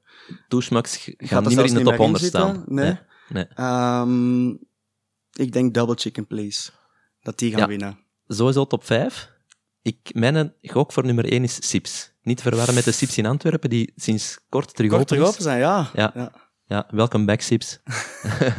Eh, maar in Barcelona is er ook een bar eh, onder de naam Sips. Ja, dat is van Eh, Simone Caporale. Ja, ja. ja, klopt. Dat is mij eigenlijk ook voor nummer 1. Als het niet één is, zal het wel top, eh, top 3 zijn. Top 3 sowieso, ja. Mijn Double Chicken Please zal er inderdaad ook top 5 Ik zou, zijn. ik zou Little Red liever Door. Double Chicken Please zien. Om, Ja. Omdat ik de manier van hoe dat zij alles aanpakken, ik ga niet zeggen interessanter vind, maar dat is meer mijn ding. Ik volg het ook al jaren en je kunt wel eh, trends duidelijk inzien. Een paar jaar geleden was het hotelbars, Ja. Allemaal top 5. Nu gaan we meer naar de neighborhood bars. Speakeasy komt ook terug. Ja. Eh, bar in bars, dus, dus een locatie waar je twee soorten bars op één locatie hebt. Dat is, dat is een bar die het momenteel ook heel goed doen. Schrijf jij er meestal ook geen verslag van ja. als het eh, gebeurd is? Ja. Ja, ja, Negroni.be, hè? ja klopt. Dus, Beetje eh, reclame maken, ja. hè? dat is goed, hè? Ja. Het zal niet, voor, niet meer voor vandaag zijn, want ik moet Nee, nee, vanavond weg, maar, eh Nee, nee, maar ja, ergens is- later. Ja, op het moment dat de podcast uitkomt, Oh, zal het wel al online staan. Maar ik, dus- ik, vind, ik vind sowieso, um, om nog even terug te komen, de 50 best, ik vind sowieso een hele leuke lijst. Het zijn, er zijn heel veel bars dat ik volg en, en om te zien naar inderdaad wat trends gaan ze het komende jaar uitvinden, vind ik interessant. Maar ik vind gewoon, ik vind een, een, een, een kleine lijst, Ja. zal ik maar zeggen. Het is heel gevarieerd, maar je ziet nu gewoon dat, A- dat Azië bijvoorbeeld ontzettend groot aan het worden is. Eh, alles in Sydney is groot aan het worden. Ah ja, Singapore Ja. is groot aan het worden. Dat, dat, Ja. dat is, dat is Ja, over Sydney gesproken, eh, Maybe Sammy gaat volgens mij ook top 5 zijn. Die hebben Klopt. het afgelopen jaar zoveel georganiseerd. Die hebben een eigen festival gedaan. Die hebben enorm geïnvesteerd in mensen wereldwijd naar Australië te krijgen. Ik, ik heb ehm, in Amsterdam trouwens nog een masterclass gehad met eh, Ja, twee zelf ook mensen. veel gereisd. Ja, twee mensen van, eh, van Martin Hoedak, eh, waarschijnlijk. Nee, Martin Ja. was er niet bij. Het was Sarah, met een achternaam ben ik kwijt. Is ook een Stefano of Stefan. Ja. Maar dus, dus Sarah was een beetje ja, general, Ja. barmanager, niet general manager. Ehm, ik heb trouwens een menu hier liggen, die had ik gekregen toen van hun, van hun. En zij had mij verteld dat hun grootste bron van inkomsten de bottled cocktails zijn. Dus zij hebben ondertussen in de Maybe, Semi, eh, in de Maybe groep hebben zij ondertussen zes zaken, vijf of zes zaken. Mhm. En de grootste stroom van inkomen was de bottled cocktails. Omdat ze ook met lucht, luchtvaartmaatschappij samenwerken. Dus Ja. alles als je naar en van Australië reist, kun jij dus hun cocktails op de vlieger drinken. Met Kantas dan of zo waarschijnlijk. Dat durf ik niet de grootste zeggen. eh, dat, dat weet ik nu niet van buiten.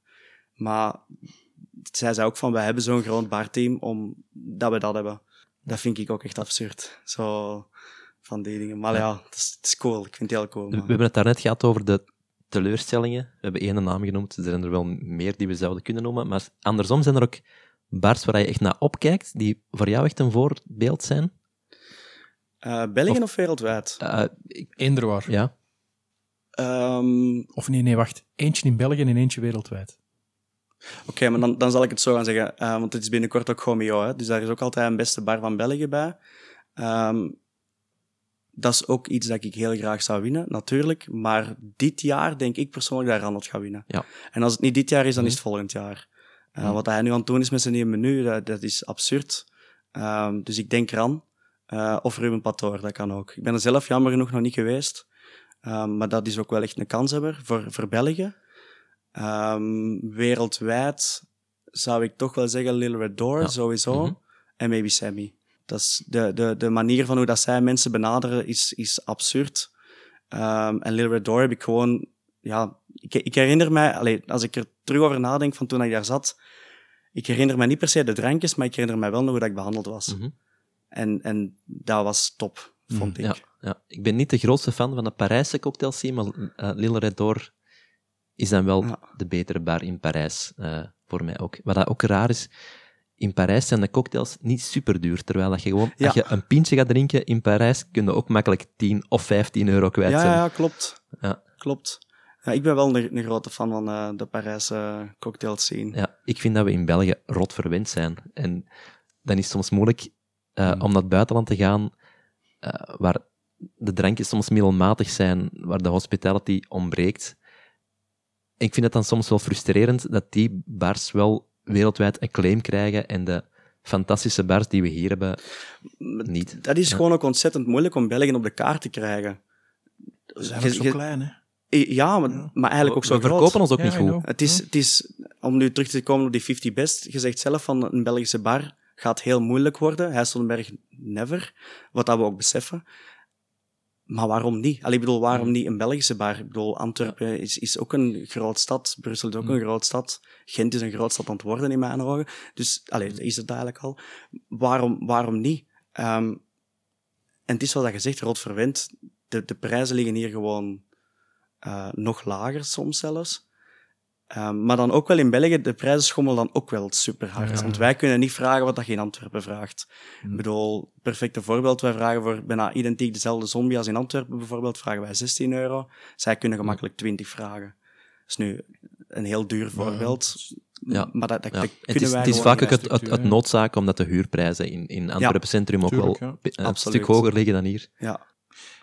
Mag ik even terug naar de ta- het tafeltje gaan dat voor Ja. ons staat? Want ehm, ik heb ondertussen iets uitgeschonken om te laten proeven. Ik, kan u, ik zou u eerst graag laten proeven. Ik ben heel benieuwd wat je ervan vindt. Oké. Dan zal ik u zeggen wat dat is. Kom, wij gaan ook mee proeven, hè. Dat gaan we zeker doen.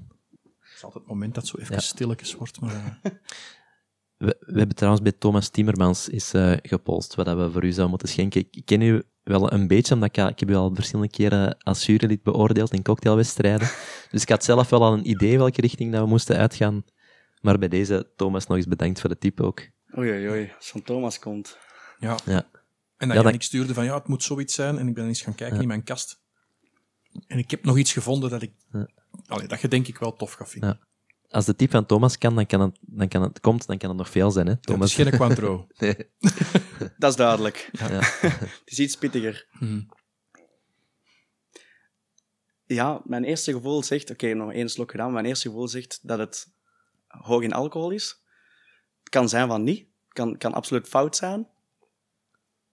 Ik ben aan het proberen te Ja. kijken, maar mijn ogen zijn om achteruit gaan. Twee- Ja, het is 52,9 of 58,9. Het is er heel raar opgeschreven. Tussen de 15 en 60 pak Ja, zo. ja. Ik weet welke spirit het, dat we aan het drinken zijn, maar ook niet exact wat we aan het Ja, drinken maar je hebt het zijn. zeker nog nooit geproefd, Jannik, want het is de eerste keer dat ik het eh, Dus- buiten mijn huis aan iemand laat De proeven. primeur. Ja, maar het is ook een, het is een hele moeilijke. De eerste dat ik direct dacht was whisky, maar dat is het ondertussen niet meer. Ondertussen heb ik... Het is, het is iets totaal anders. Maar misschien terug naar het begin, vind je het lekker? Ja, Is het aangenaam? absoluut. Ja. Ja, Is, oké. is het een meug-exclusief? Eigenlijk wel, Alright. maar het is niet te koop.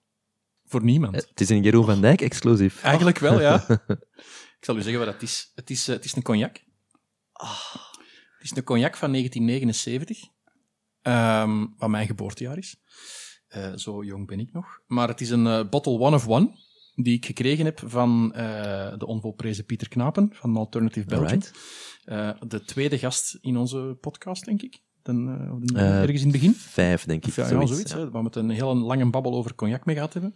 En die was vorig jaar op ons festival te gast als standhouder. En hij had eh, van een cask sample dat hij had, één fles voor mij gebotteld. Eh, alleen voor mij.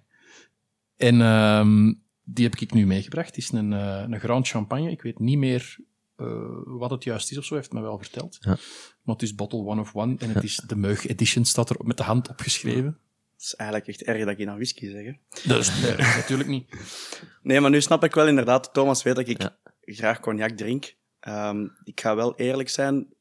Ik ken er niet zoveel van mijn cognac, maar ik drink het gewoon Ja, ontzettend dat, is ook graag. niet, dat is ook niet nodig om het graag te drinken. Nee, dat is, dat is, dat is, eh, ik, ik krijg ook gewoon die kennis niet, niet, niet in mijn hoofd soms van cognac.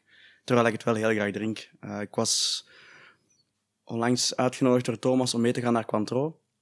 Naar eh, Frankrijk dan. Ehm, ja, en heel het verhaal van Remy Cointreau. Ehm, dus Remy Martin Cointreau. Ehm, en Cointreau heeft dus ook een soort van cognac uit. Ze mogen het niet cognac noemen, het is een Mhm. brandy. Ehm, maar die hebben dus ook ja, een cognac uitgebracht, zal ik maar zeggen. Saint-Remy. Ontzettend lekker. Wel lager in alcohol dan dit. Ehm, maar dit is fruitiger.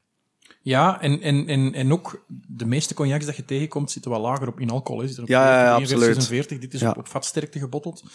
Ehm, ja, ik vind het zelf heerlijk. Ik was ook oprecht toen vorig jaar op het festival in oktober, toen eh, Pieter die fles aan mij gaf.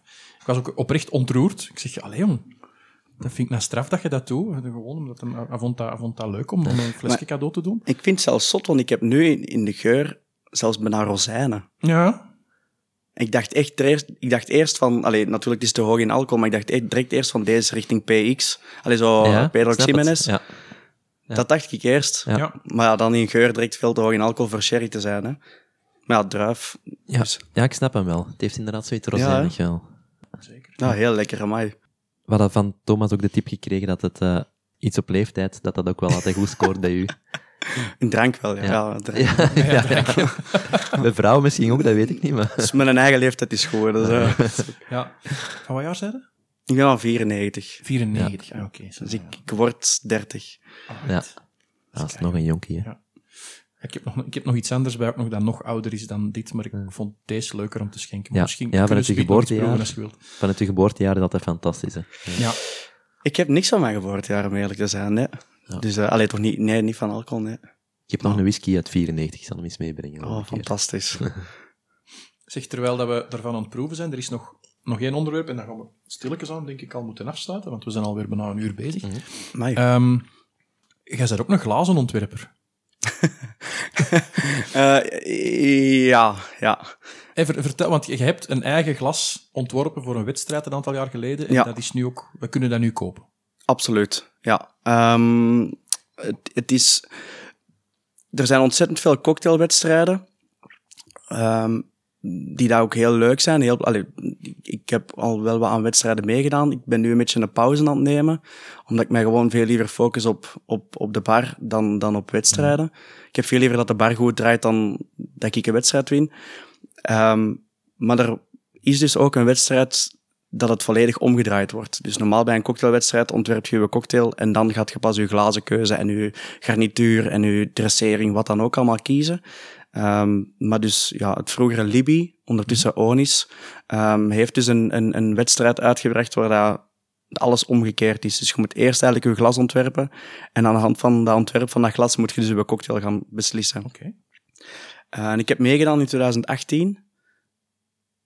Dat was mijn allereerste wedstrijd trouwens. Ik werkte toen net in Cocktails at Nine. Um, en ik ging toen naar de halve finale. En toen naar de finale en dan uiteindelijk gewonnen. En dat is het jaar daarna uitgebracht. En nu onlangs heb ik gehoord dat het in een top 5 van best verkochte glazen zit. Ja. Het, he- het heet The Gats. De Gats, ja. Ja, en dus, die naam ook zelf mogen kiezen? ja, ja, oorspronkelijk was het de Gatsby. Dus het is ook Ja. geïnspireerd op de jaren 20, op de Gatsby, op uh, um, de uh, Art Deco. Mhm. Dat was echt wel mijn, mijn, mijn idee, maar de Gatsby was gepatenteerd. Dus het moest de Gats by Jochen zijn. Ah, oké, Ah, ja. op die manier. Ja, Ja. goed. Dus de Gatsby mocht niet omdat Ja, dat gepatenteerd is. Dus stiekem heb je wel Gatsby. ja, dus op de doos staat de Ja. Gats en dan daaronder by Jochen Verbeek. Ja. Zeg maar, het, het is, eh, ik, heb het, eh, ik heb het even gaan opzoeken, uiteraard, om eens te kijken hoe dat eruit zag. Eh, het is redelijk klassiek. Er zit zo'n reliefknop. Ja. Het is Art Deco-stijl. Art Deco-stijl, hè? dus niet, niet, niet super, ehm, hoe moet ik het zeggen, super extreem van vorm Nee. of, of gek of zo. Maar hoe, hoe begin je eraan? Hoe, hoe kom je daarop op zoiets? Um, dat is grappig, want de allereerste keer dat ik dat getekend heb, was een Diego effectief bij mij thuis. Dus uh, we hebben dat... Uh, ik, hij was de eerste dat het gezien had. Dus ik wou... Nu ga ik al mijn, geheim, mijn geheime prijs geven. Ja, hè. Dus de vorm, dus het is heel, heel rond aan de onderkant. Mhm. En dat komt eigenlijk van de pot Nutella.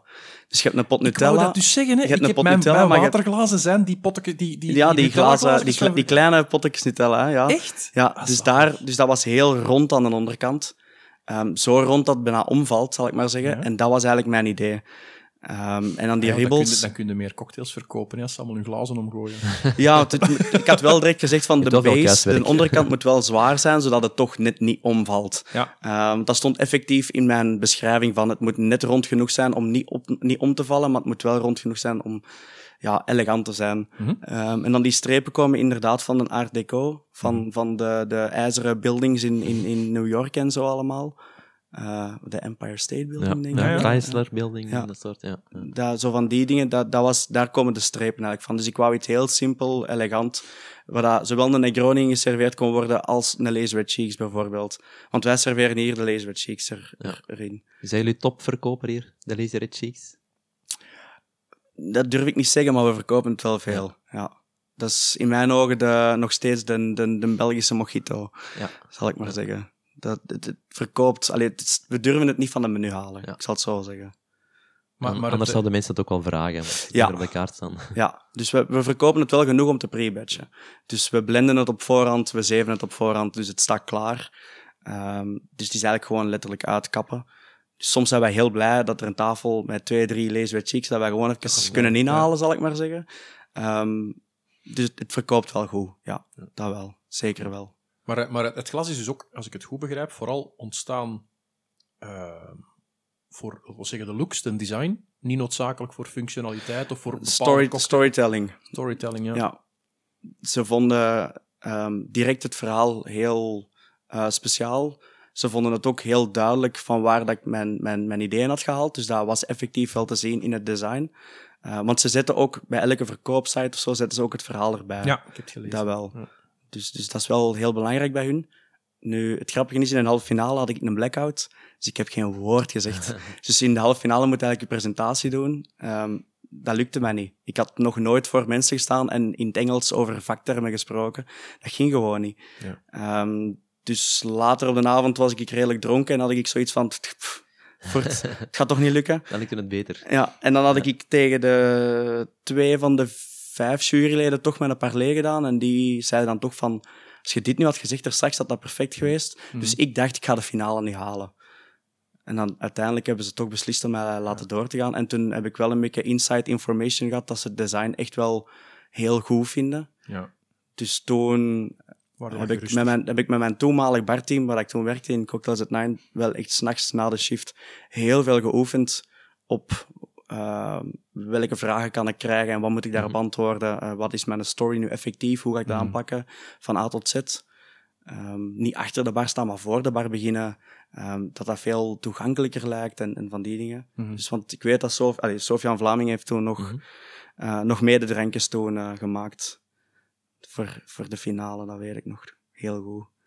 En ja, gewonnen dan uiteindelijk. Hè. Dus nu, nu is de halve finale net gebeurd ook, want ik ben nu jury van de nieuwe editie. Ja. En begin november moet ik naar Athene dan. Voor, want daar is dan de finale. Ja. Daar is de finale.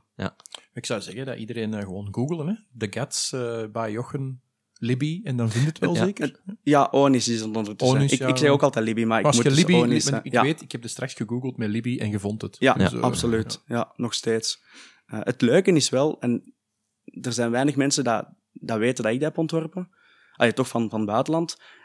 Maar je ziet het wel ontzettend veel in buitenlandse Ja, ja, ja. bars. Ja. En dat vind ik wel tof. Ja, ik Ja. heb het ook inderdaad al Toch wereldwijd gezien in bars. zijn. Zo, onlangs Ja. kreeg ik een filmpje doorgestuurd. Ehm, ik ben zijn naam kwijt, maar dat was de, de, de, de kerel dat de laatste World Class had gewonnen. En hij gebruikt het bij hem in de bar ook. En dan denk ik, oké, deze is wel tof. Ja. Deze is wel cool.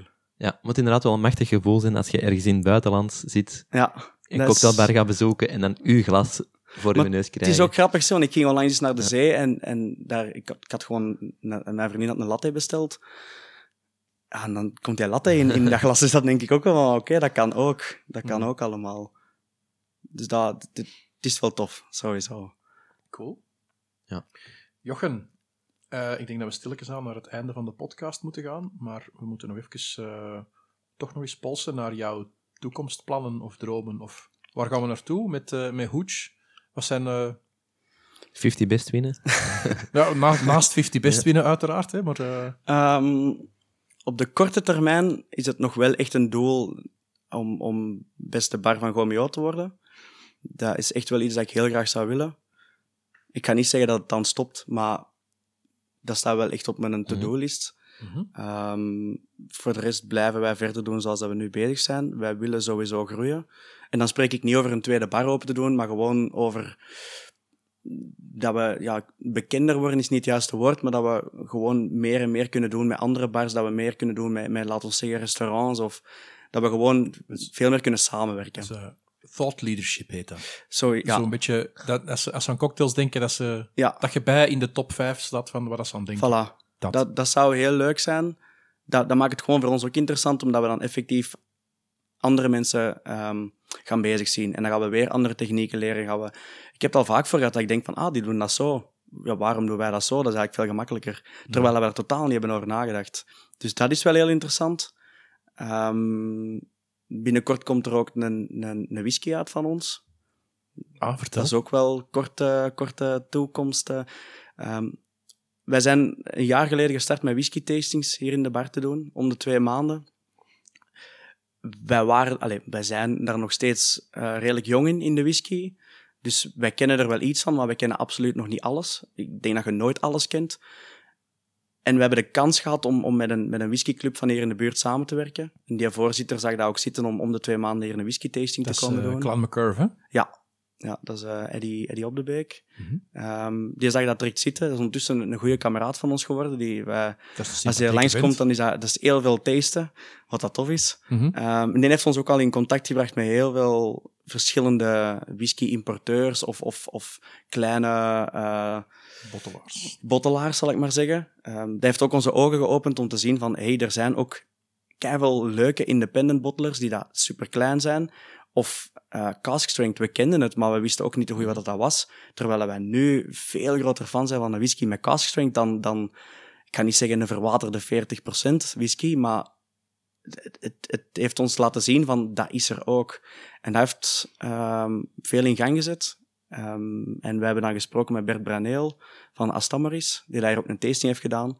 En dan hebben wij daarna nog een gesprek gehad dat we samen met hem een, een whisky Mhm. voor Barhoets gaan, eh, gaan uitbrengen. En mogen we wel weten welke whisky dat gaat zijn? Of is dat nog een verrassing? Of een geheim, want het mag een niet altijd geheim. prijsgegeven Ja, dat kan ook, worden. hè? Eh, ik, ik weet persoonlijk echt niet of ik dat mag zeggen. Oké. Dat, dat, dat weet ik niet. Ja. Dus Zou Dat- hij geschikt zijn om eh, Bert's favoriete cocktail, de penicillin, mee te maken? ja en nee. Het, het, gaat, het, gaat, het is minder geturfd. Oké.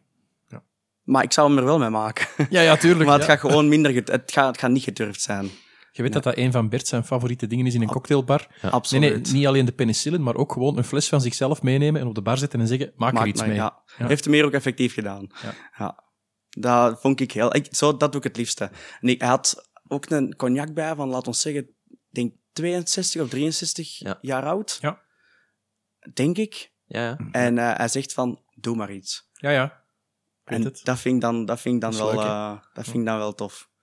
En zo nog net genoeg in de Ja. fles voor één Ja. portie te maken. Ja. En daarna niet meer. In de, de eh, Botanic Sanctuary staat er ook een, een cocktail op de kaart met thee cognac. Maar dat is een cocktail waar je denk 50 of 60 euro voor betaalt, uiteraard, omdat dat gewoon zo'n Ja, ja. gigantisch Dat snap fles is. ik. Maar in zo'n hotel Ja, zullen er af en toe wel eens zotten zijn die graag tonen van kijk hoeveel geld ik heb. Ja, Geef mij maar de duurste cocktail van de kaart. maar, maar dan kom ik weer terug op... op eh, zij, zij kunnen 18 à 19 euro vragen van een whisky sour. Dat, dat, dat kunnen wij gewoon niet. Hmm. En ik ben er ook wel van overtuigd dat die cocktail van 50 euro daar regelmatig verkocht gaat zijn. Ja. Sowieso. Ja. Daar, daar ben ik echt... Allee, zie naar, naar Burbuur met zijn, met zijn green card, denk ik dat dat een tijd geleden was. Of zo zijn zo, ja, menu voor Een aparte kaart. Ja. Ja.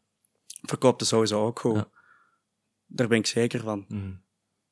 Ik ben... Allee, ik zou dat ook willen bestellen dan, maar ik... ik ik krijg het nog steeds niet over mijn hart om, om dan zoveel centen te betalen.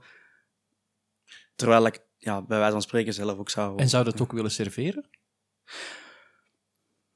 Wij hebben één drankje op de... Ja, nee, niet op de kaart. We hebben één drankje dat we, ver- dat we verkopen voor 50 euro. En dat is wel al regelmatig besteld, maar ook niet ontzettend veel. Maar dat is vintage. Dus we hebben een, een, een dubbelneck. Dat is een, een, een twee flessen tegen elkaar geplakt. Half is Dom Benedictine, half is eh, brandy, allee, of cognac. Eh, en dat drankje is zogezegd 50-50 van elk. Mm. Dus dat is eigenlijk een oude B&B. Ja. Ehm, en die fles werd gemaakt tot de jaren 60. We hebben er zo twee op de kop kunnen tikken. We hebben één open gedaan. Hm. En dat glas is dan, wordt dan verkocht voor, voor 50 euro. Dat wel. Dat is ook wel ontzettend lekker. Ja. kan ik aannemen, ja. Oké, dus er komt een fles whisky aan. Jullie zijn de bar nog verder aan het uitbouwen totdat jullie de beste zijn eh, voor Gomeo. hè, En, Dat is- en dat is 50 het- best enzovoort. Ja, ik ga nooit zeggen dat... dat want ik, ik vind zo een, een, een rating van Gomeo of wat dan ook, of, of 50 best. Het is een rating dat beslist is door x aantal mensen. Hmm. Want als wij morgen Gomeo winnen, ik ga ons nog steeds niet de beste vinden. Want er zijn bars waar dat ik veel... Allee, Waar je zelf nog naar opkijkt. Ja. Ja, Hmm. ja, echt wel. Zelfs in België zijn er Mm. bars waar dat ik... eh allee, bijvoorbeeld Cocktails at Nine blijft voor mij bestaan niet meer. Het is nu Belroy's at Nine. Mm. Maar dat pand bijvoorbeeld blijft voor mij ook nog altijd ontzettend speciaal. Dus dat, ik, ik Ja. blijf daar... eh, ik ben er al niet meer geweest sinds, sinds eh, dat overgenomen is. Schandalig. Hm. Maar dat blijft voor mij ook nog steeds nauw aan het Ja. hart liggen. Dus eh, Dat is verbonden met herinneringen natuurlijk Ja. ook, hè, dus dat is belangrijk. zeker wel. Eh, als we komend weekend hier naartoe komen, wat moeten we bestellen? Carrot cake. Carrot cake? Ja. Alright. Ehm, dat is sowieso wel een van de drankjes dat ik durf aanraden. Als ik weet dat mensen effectief interesse hebben in, in iets specialer. Het feit dat je redelijk snel met een antwoord kwam, wilde ook zeggen dat het u na aan het hart ligt, het Ja, drankje. Dus dat is absoluut. goed. Ja, Ja. voilà. Ook gewoon omdat dat is een drankje dat we samen. allee, die, dat was die, nogmaals Diego's een idee. Hebben we dat uiteindelijk samen ge, gefine-tuned. Dus dat vind ik. Allee, als iemand dat bestelt en iemand zegt wauw, dan ik ben de eerste om te zeggen van dat is een drankje van Diego. Tuurlijk. Ja. Diegene dat we daarnet gedronken hebben, was ook zeker een aanrader. Wat was de naam daarvan? Yellow Submarine. Yellow Submarine. Waarom? Ehm, onze kaart is geïnspireerd op muziek. Dus, ja, er hangen, er eh, hangen hier ook eh, muziekfoto's aan de muren, Ja. heb ik daarnet gezien. Dus dat heel tof. We, we werken altijd met een thema. Het vorige thema was lokale kunst. Dus dan hebben we altijd met kunstenaars van IJsseldenberg samengezeten en drankjes gemaakt aan, de, aan het... We kregen een gevoel van dat werk en daar hebben we dan drankjes naast gezet met hetzelfde gevoel. Nu werken we echt gewoon over... ehm, nu werken we met muzikanten. Ja, allee, niet van IJsseldenberg, eh, maar muzikanten. Qu- Quincy Jones en Frank Sinatra zijn niet Nee. van eh, op de Nee, dus, dus art- allee, ja, muzikanten waarvan wij denken dat die iets speciaals hebben gedaan in het verleden. Of speciale momenten. Bijvoorbeeld Sinatra is dan het, het eerste eh, conceptalbum ooit uitgebracht. Jimi, Jimi Hendrix hangt hier ook, ja. Jimi, Hen- Jimi Hendrix op eh, de Monterey Pop zijn gitaar in brand stak. Zo, die momenten dat iedereen wel Ja, kent. Iconische momenten van de Ja. uh, En dus ehm, de Yellow Submarine is gebaseerd op eh, de Beatles. Ja. En ik weet, in het donkers- donkerste hoekje van deze zaak hangt er ook nog iets leuk aan de muur. Een slechte online review. Hangt er nog? Ah, ja, ja, ja. ja, Ik vind ja, dat ja. een- een heel toffe manier om er mee om te gaan. Ja. Sommige mensen gaan er dan online tegenin, wat dat geen zin heeft. Nee, Je kunt die mensen toch niet meer overtuigen. Mag ze eens gaan zoeken, want die Ja, Ja, gezien. dat vond ik Ja. wel een heel leuke manier om ermee om te gaan. Gewoon embrace it. Dat was wel moeilijk, In de kader aan de muur. dat was wel heel moeilijk. Dus ehm, natuurlijk, elke eigenaar kijkt wel naar de Google-reviews of, of wat dan ook, reviews in het algemeen. En ik weet het nog, het was een hele zonnige dag. Er komt een koppel bij ons. We denken dat we weten wie dat het is, maar we weten het nog steeds niet. Het is een koppel dat op, de, op, de, op het terras komt zitten. Ehm, hij is nog geen 18, dus, dus wij vragen ook van, hey, ben 18? Ja, nee. Ehm, ja, bier of wijn mag. Ehm, en zijn vriendin is wel 18, dus hij bestelt een Laser Cheeks. Hij bestelt een pintje. En de review ehm, komt twee uur later binnen. Dus eh, de cocktails zijn precies slush puppies met alcohol in, eh, weinig bierkeuze en amateuristische bediening. 1 op 5. En ik was ontzettend kwaad. Ik, ik, ik, ik wou daar ook op reageren. En toen heeft Diego gezegd van nee, als we reageren is het morgen, niet nu. Want nu zit hij in de heat of the moment. Ehm, en een dag erna heeft hij gewoon gezegd, de Diego dan, eh weet je wat, we kaderen dat in en we gaan dat gewoon omhoog. We gaan daar gewoon mee lachen. En het leuke is, nu hebben mensen al gereageerd op de review van dat hem ongelijk heeft. Dus wij hebben er nog altijd niet op gereageerd, dat gaan we ook niet doen. Maar mensen reageren in onze, in onze plek erop. Dat is, dat is zo'n beetje gelijk die foto dat wel eens circuleert op, eh, op Facebook en Instagram van zo een, een sandwichbord buiten een, een koffiehuisje ergens en dat dan op staat Welcome to the place that serves the worst coffee in town. Ja. Says, one, says one woman on Yelp. Maar ik weet, ik weet nog goed, als we dan spreken over cocktailbars, um, Touchmax heeft ooit een menukaart gebaseerd op slechte recensies. Zalig. De cover was letterlijk gewoon de recensie. Ehm, en ik denk dat ze er had, bij gezet van, hè, die persoon eh, vindt dat wij ehm, ja, achterbak zijn of wat dan ook. Dat is letterlijk gewoon die review als cover. Dat is toen ontzettend hard ge- gecirculeerd. Tuurlijk, ja. Dus ik, ik, ik vind wel dat er mee gelachen mag worden. Tuurlijk. En mensen lachen, als mensen daar zitten dan en ze zien dat hangen, want het hangt effectief in een hoekje. Als mensen dat zien hangen, ze lachen ermee. Maar ik heb ook al wel een koppeltje tegen elkaar horen zeggen van, oei, die hebben precies wel geen goede recensies. Hè? Dus dat kan ook wel, dat kan ook wel. Dus ja. Maar we lachen ermee, ja. Oké. Denk je, we zijn intussen aan een uur en twintig ongeveer. We proberen af te sluiten op een uur. Weer al niet gelukt. Ja, weer al mislukt. Eh, Sorry. Maar ik denk dat we... het- Ligt aan Yannick al. ja, ja, sorry. dus ja, ik denk dat we het eh, toch maar gaan afsluiten dan. Hè? Absoluut. Ja, Eh, super. Jochen, dikke merci om ons te ontvangen in Bar Hooch in Jullie zijn bedankt. Heist op de Berg. Eh, en ehm, aan alle luisteraars, dikke merci om weer te luisteren en Ja. tot binnenkort. Ik zou zeggen, eh, neem een voorbeeld aan de mensen uit Mol die de verre verplaatsing maken. Ja. Kom eens naar hier. Zeker de moeite waard om de verplaatsing te maken, ook al zijn er niet van deze kanten. Eh, dikke merci iedereen voor te luisteren. Bye bye. Bye bye.